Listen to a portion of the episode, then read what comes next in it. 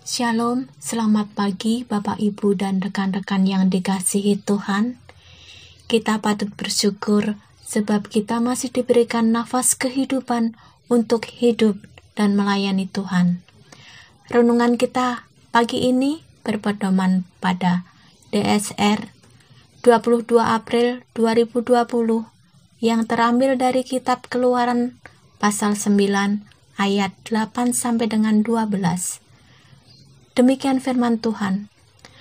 Berfirmanlah Tuhan kepada Musa dan Harun, ambillah jelaga dari dapur peleburan serangkup penuh. Dan Musa harus menghamburkannya ke udara di depan mata Firaun.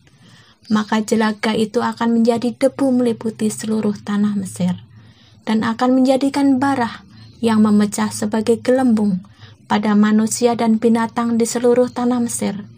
Lalu mereka mengambil jelaga dari dapur peleburan dan berdiri di depan Firaun. Kemudian Musa mengamburkannya ke udara, maka terjadilah barah yang memecah sebagai gelembung pada manusia dan binatang. Sehingga alih-alih itu tidak dapat tetap berdiri di depan Musa karena barah-barah itu, sebab ahli-ahli itu pun juga kena barah sama seperti semua orang Mesir.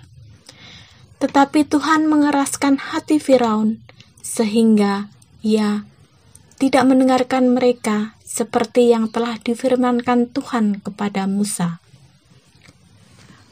Bapak Ibu yang diberkati dalam Tuhan Yesus Kristus, tema renungan hari ini adalah semakin keras kepala semakin banyak tulah. Abu merupakan jelaga dari dapur peleburan yang terbuat dari batu bata buatan orang Ibrani. Abu itu tentu sangat lembut hingga ketika ditaburkan ke udara akan mudah berterbangan terbawa angin. Abu merupakan gambaran dari sejenis bakteri yang penyebarannya melalui udara. Bakteri atau virus ini menyebabkan demam tinggi, kulit melepuh, bernanah, dan berwarna kehitam-hitaman. Tentu saja sangat menyakitkan dan mematikan. Tuhan menjadikan Firaun keras kepala. Semakin keras kepala, semakin banyak tulah yang menimpanya. Tujuan Tuhan membuat Firaun menjadi keras kepala adalah untuk menunjukkan kepada seluruh umat manusia bahwa Allah lah satu-satunya yang berkuasa atas ciptaannya. Tidak ada satu manusia pun yang berkuasa atas bumi ini, terlebih atas sesamanya. Itulah yang hendak ditunjukkan Allah kepada Firaun Sahabat Alkitab, jika kita renungkan kisah hari ini, ada pelajaran yang dapat kita petik bersama.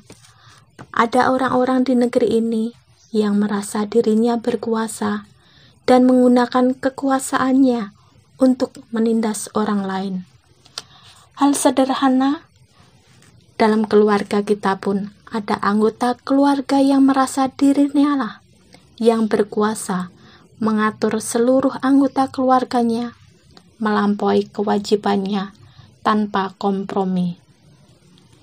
Hal serupa juga dapat kita jumpai di tempat kita bekerja. Orang-orang yang merasa berkuasa ini cenderung keras kepala dan tidak mau mendengarkan pendapat orang lain. Hal inilah yang hendak ditunjukkan kepada kita bahwa di muka bumi ini, tak satu pun orang yang memiliki kuasa melampaui hak orang lain. Hanya Tuhan yang berkuasa atas hidup kita. Semakin kita keras kepala, semakin banyak tulah yang akan kita hadapi. Kiranya kisah Firaun ini dapat menjadi pelajaran bagi kita. Salam Alkitab untuk semua.